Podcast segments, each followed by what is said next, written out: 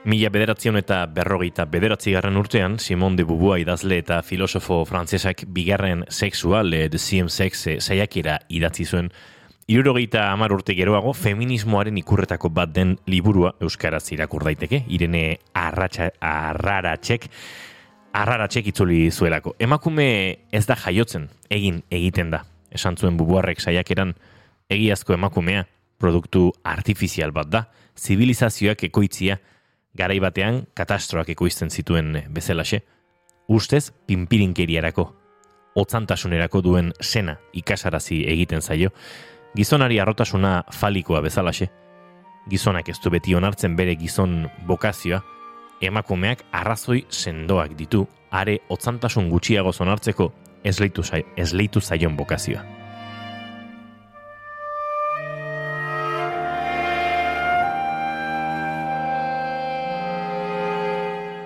Itzoriek izan ziren saiakeran zeudenetako beste batzuen artean ezagunak egin zirenetakoak. Gaur egun feminismoan asko aipatzen da bubua eta haren hitzak zabaltzen jarraitzeko asmoz Asier López Iraulak disko bat argitaratu du.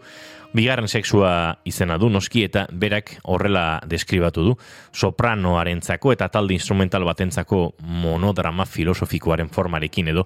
Baina tira, berarekin batera zortzi izan dira guztira proiektu osatu duten kideak Iker Sánchez Silva zuzendaritza lanetan, Jone Martínez, soprano abeslari modura, Ander Erburu txirularekin, Javier Roldan klarinetearekin, Enekoiz Martínez biolinarekin, Ricardo Kuende biolarekin eta Alba Hernández biolontxoarekin, biolontxeloarekin. Eta esan da bezala, gurekin dugu proiektuaren kompositorea hemen parean eserita, Asier López Iraola, ongietorri bigarren kafera. Eskerrik asko.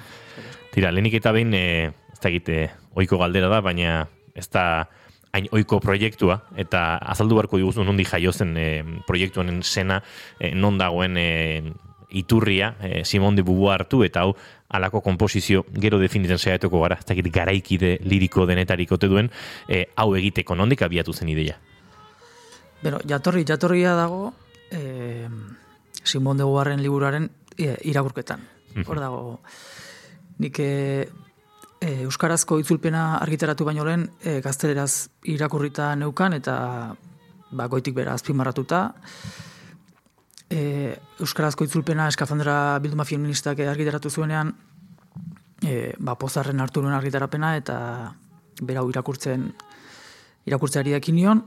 Hori izango litzateke e, astapena zeren e, nik e, orain arte beti idatzi izan ditut neure testu propioak, nire abesti eta komposizioetarako, eta e, Guarren liburu hau irakurri nuenean izan zen lehenengo aldia pentsatu nuena ba, agian e, neure testu etzen zerbaitekin zerbait egin ezakela.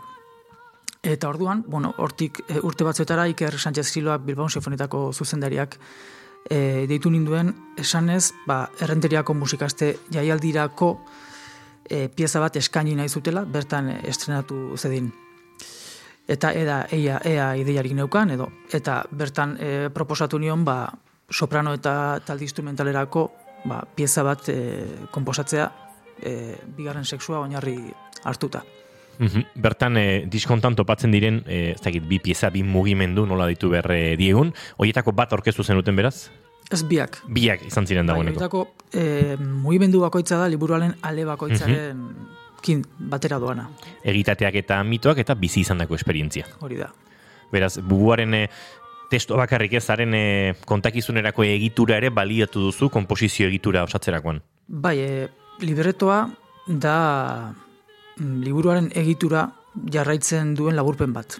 Ez dugu hitzik asmatu, dena aipu literalak dira, eta jarraitzen dute liburuaren egitura bera. Beraz da, liburua trinkotua edo, edo laburtua eta e, egitura jarraitzen du bai kapitulotan, bai e, aleetan, bai e, oroar. Aldiz, komposiziorako hor bada ez, akaso talka bat, edo ez da izan, zegero aztertuko dugu ez, melodiaren eraiketa hori nola osatu duzun, e, kantakerarako testu hori egokitu beharra, eta ez dakit horrek asko baldintzatu duen komposizioa, edo alderantziz oso lauso izan zaren, testuak berak esaten duen hori musikalki naturalizantze din edo. Beraz, e, nik ez neukan e, testua mm, ilustratzeko asmorik, ez da ere e, testuaren e, hermeneutika edo interpretazio mm, musikal bat egitearena. Hau da, ez nuen nahi testoren zatiren bat azpimarratu eta gaineran ere eduki musikalarekin nabarduratu, beti dago interbentzio bat, eta hori nire musika da, eta interbentzio bat da, baina nire helburua zen testua bideratzea nire musikaren e, bitartez. Orduan, e, hori garbi neukan. E, eta bestalde, ba, abia puntua da laburpen bera. La, eta behin testua laburtutan neukanean, ba, etorriko ziren, bai, alderdi instrumentalak eta bai, e, ahotsezkoak nola eraiki. Baina, esan behar dut, Simon Dubarren ahotsa e, berezik irakargarria dela e, pintzat niretzat. Nire musikarako badauka jario bat, e, badauka e, idazkera batzutan asoziatiboa, beste batzutan argumentatibo tipikoago bat, baina nabari da ere baita berak bazekola sen literario bat, eta eta esan behar dut, ba, e, musikatzerako garaian ba, placer bat izan dela. Mm entzuten ari gara, eta jonek abesten dituen e, bueno, lehen mugimenduko melodia betan, nabari da, ez dakit hola dei genizaieken melodia monotonalak edo e, linealak ez, eta bukaeran beti dago interbalika bat irikitzen duena melodia hori. E, egon da hor, testua gehiagin e, aldatu zuka aipatzen zen, azpimarratu nahi ezaren e, muga, edo musikalki horrela egitea ere e, otu zitzaizun.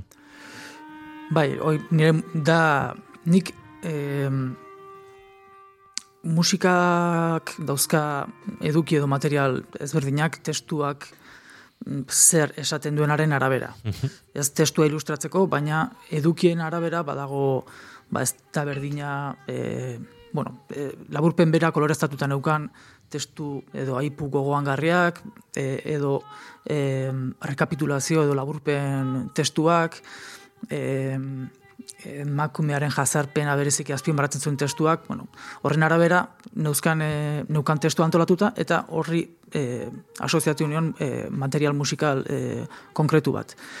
Egia da horrek e, material horiek etengabe agertzen direla eta horrek ematen diola pieza guztiari ordu bete ordu bete eta minutu irauten duenari homogenitate bat edo estatikotasun bat. Mhm. Eta nik hori nahi nuen hain zuzen e, entzuleak bukaerarako e, sentizezan musika egonkor mantenduko zela, e, aldagai hori egonkor mantenduko zela, eta orduan arreta jartzezan testuan, hain zuzen ere.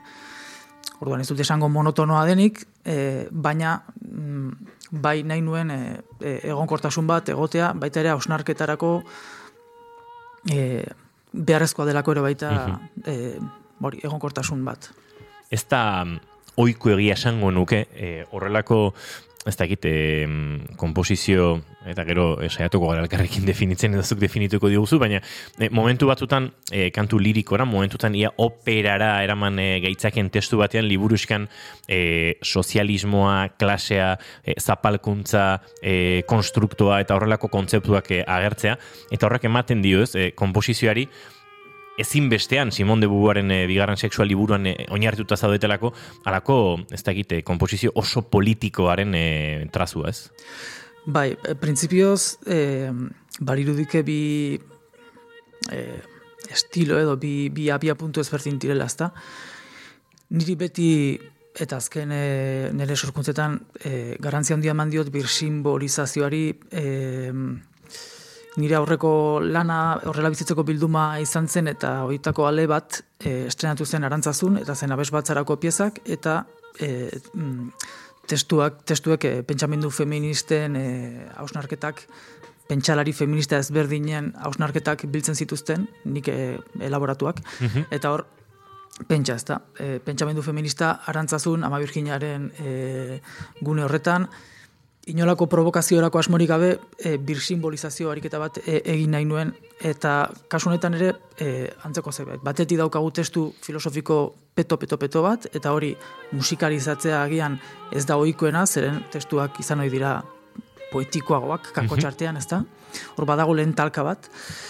E, hain zuzen talka horrek eragiten duen zulea e, erne jardadin, zeren ez du ezagutzen kode hori, eta orduan horrek ere testura eramaten zaitu eta osnarketara eta ikuspegi kritiko batetik, eta edukiari dagokionez ere bai, hau da. E, ez bakarrik lirikotasuna, abeslariaren haze hori ere, abeslari bakoitzaren baitan dago, e, baita musikaren edukiak, eh, musikaren edukiak edo konposatzeko teknika askok badaukate Gregorianotik eta antzinako musikatik, eta orduan salmodietatik eta salmoen errezitazioetatik eta bar, orduan hor badago ere baita, eh, berriro ere eh, berez mm, elkarrekin joan ezin daitezken bi ere muren arteko talka eta emankortasun hau da, ekar dezaketena mm -hmm. berpentsaketarako. Jone Martinez izan da sopranoa eta diskoari ikaragarrezko protagonismo ematen dio, egia da, e, badagoelaz, hor Bilbao Sinfonieta, atzean baina momentu askotan ahotsa bera da, ez, e, gida, testu hori dara mana, e, argi izan zen hasiratik bere izango zela, e, izan da aukeraketan ere, zuk musikalki nahi etzen nuen haunditasun hori edo e, xumetasun hori testuaren errespetu hori ere ezaugarrietako bat, jone aukeratzerako orduan, bere kantakeran edo? Jone, abeslari konkretu bezala diozu. Bai. Beno, hori, e, Bilbao Sinfonitak e, proposatu zuen, egia da, e, e, soprano bat aukeratzerako garaian, garantzitsuna zen bere disposizioa hau da. Berak alako e, proiektu bati aurre egin nahi izatea, zeren exigentea da, da, ez da, ez da pieza bat bereziki zuzenean ordu eta mar minutu, berak dauka esan dezakegu, hogeita ma piko minutu abesteko. Mm Eta zuk diozun bezala, lehen plano batean dago, defendatu behar du testu guzti hori, eta e, paper oso indartsua eta eta intentsua da, eta hori, hasteko izan bartzen soprano bat, prest zegoena horretarako.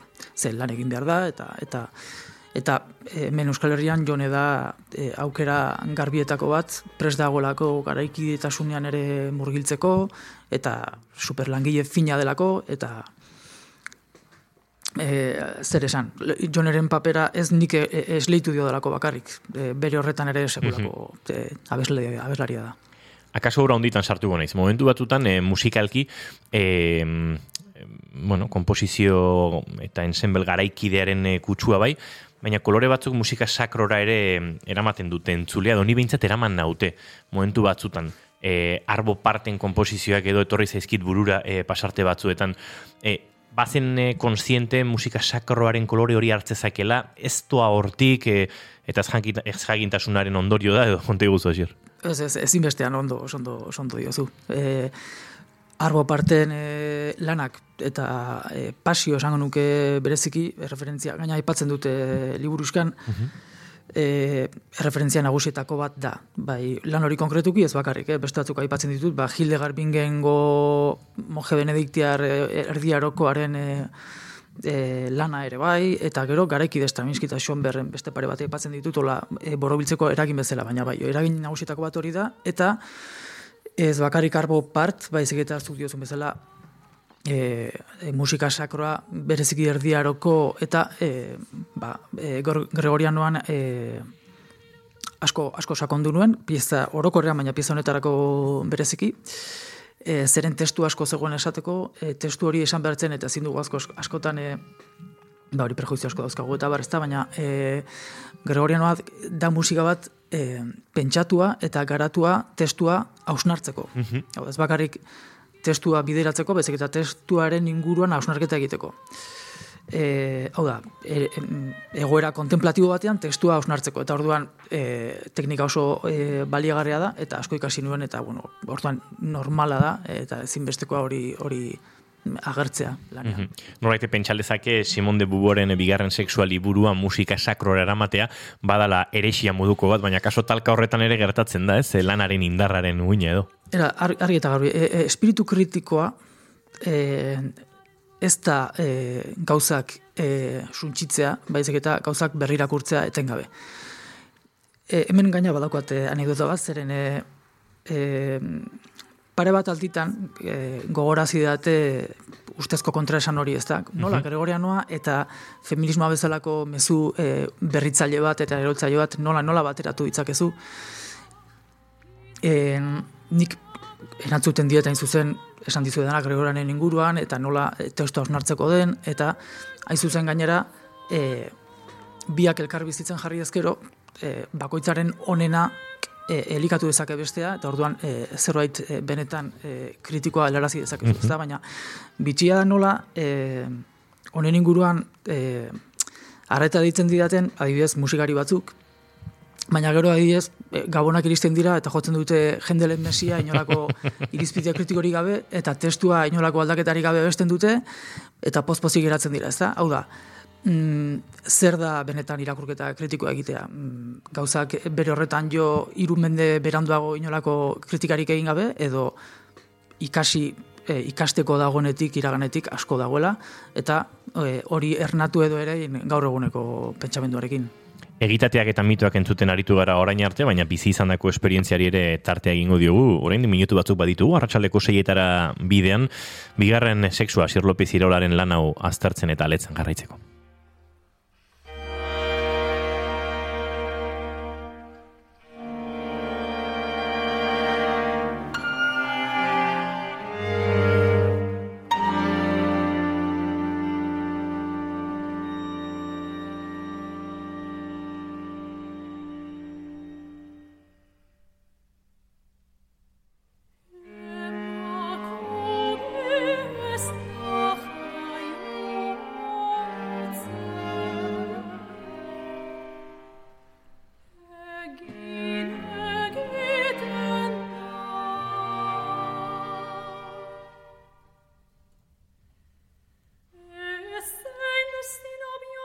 Alor musikal eta teknikoan ere zertxuain murgilduko gara. E, Bilbon Sinfonieta bada esango nuke ze oso talde mm, anitza eta eta eta malgua oso proiektu mota ezberdinetara egokitu daitekena.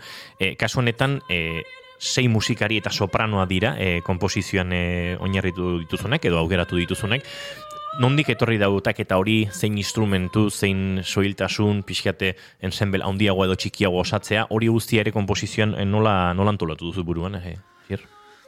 Beno, eh, asierako plantilla, mm, Bilbao Sinfonita kamera ensemble bada, orduan eh, hori da batzutan adatzen dute ez, beraien eh, eh, eh, hola, eh, talde, talde kideen kopurua eta bar, baina, bueno, ensemble, ensemble, kamera ensemble bat zen eta hor bai abeslari bat e, egon behartzuela proiektu honetarako, ezta? Baina bestea horrela proposatu zidaten, eman zidaten aukera perkusiorako, baina ez nuen, bueno, azkenean ez nuen ikusi, pianorako ere aukera ere bai, baina berez, honi doitzen zaio, Pierrot formazioa, Pierrot Luner izan zen, Arno Schoenberrek e, hogi mende hasieran egin zuen e, monodrama bat, mm eta berak erabilizuen instrumentazioa hain bilakatu zen e, esanguratsu, ba, e, Pierrot formazio hori hainbat eta hainbat e, kanberen ensemblek gaur egun ba, daukatela finko bezala eta hori da e, proposatu zidatena. Mm ongiz, ongiz etorkidan egia da e, nahi nuen nire e, e, estilolako eta nahi nuen, jorratu nahi nuen lenguaierako ondo, ondo, ondo zetorkidan. Mm e, grabazioa konservatorian bertan egin duzue, e, bertan e, arituak ituak dira ere ensenbelean, baina e, planteatu zenuten estudio batera jo, e, konservatorioko e, lokaletan edo instalazioetan bertan grabatzea, ze abantaia edo ematen zuen horrek, zergatik horrela izan, zergatik izan da horrela? E, akustika, akustika. E, bertako auditorioak sekulako akustika ederra dauka, bereziki musika bokalerako, uh esango nuke musika bokal, kamera, musikarako oso akustika ederra dauka, eta eta mm, gu ezkara e, retoke eta edizio eta eta gehiagirik egitekoa orduan e, orduan eta grabaketa eta orduan eta naturalagoa hau da bertako espazioko akustika erabilia ba erabilita hori horregatik hori da hori da autua eta aretoak berak ematen duen e, bai. akustikarekin eta bai. e, dagokion reverberazio txiki horrekin eta beharrezkoarekin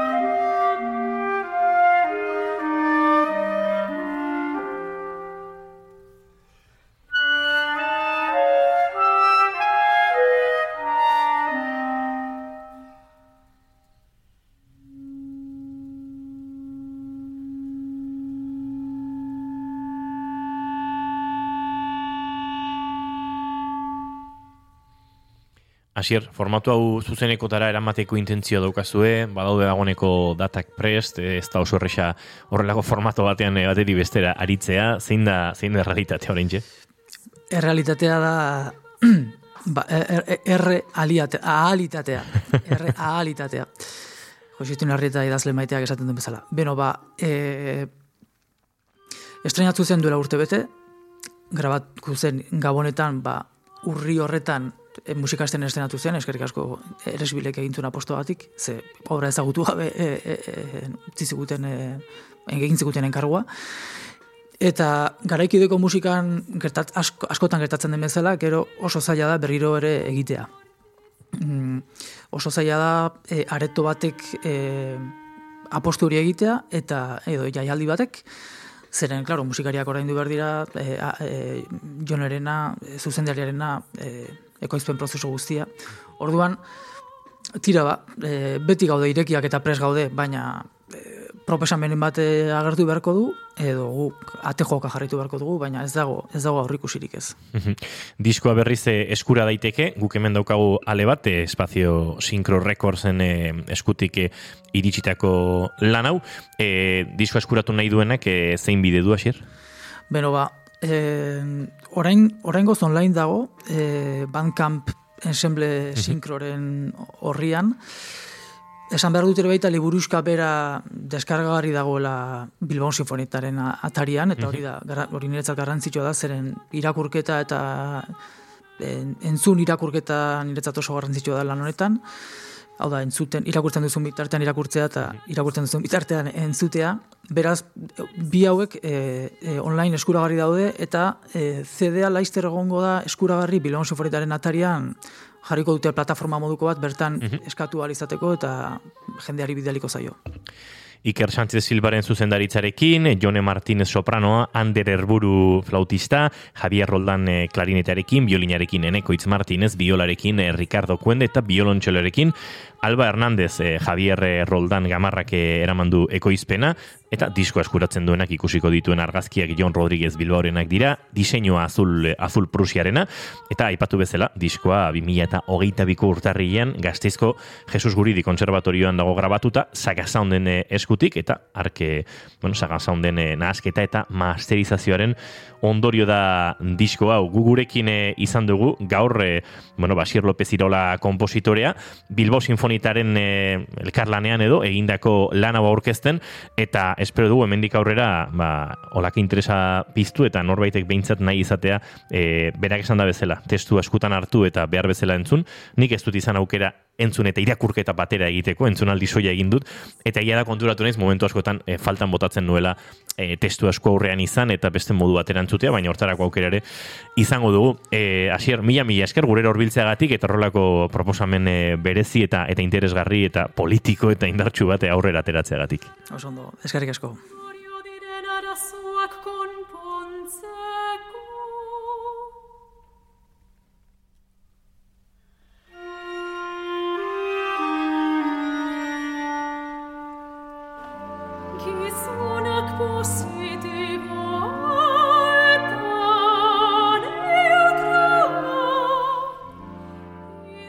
Guk doinu hauekin utziko zaituzte gurrengo bizpeiru minutuetan, arratsaleko seietara bidean, julen egoiko txarbegozo, mm, bihar arte, ondo bidean hemen izango naiz, edo ondo bidean nora baitera bidean, euskalo.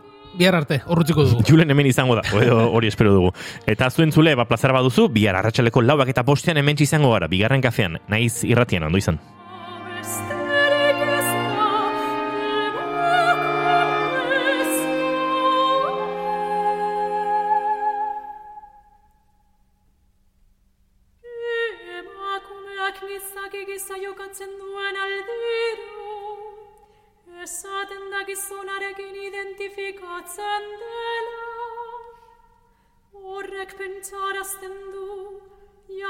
Subjektibo baten aldeko autu faltsua egiten duela. Interpretazio sistema oker horren oinarria zera da. Ontzat iotzea naturala dela gizaki emearen zat. Emakume femenino bihurtzea. Gizonak ez Eta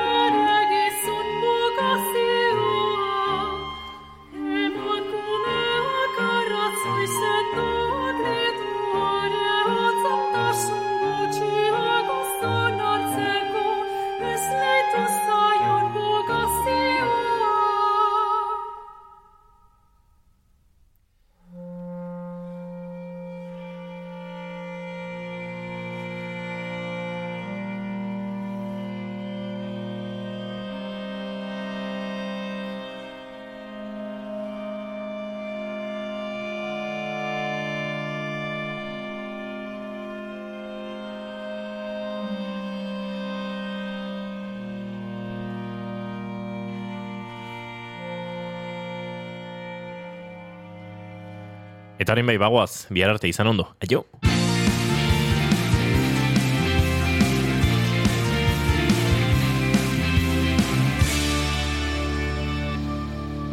Keep calm and bigarren kafea.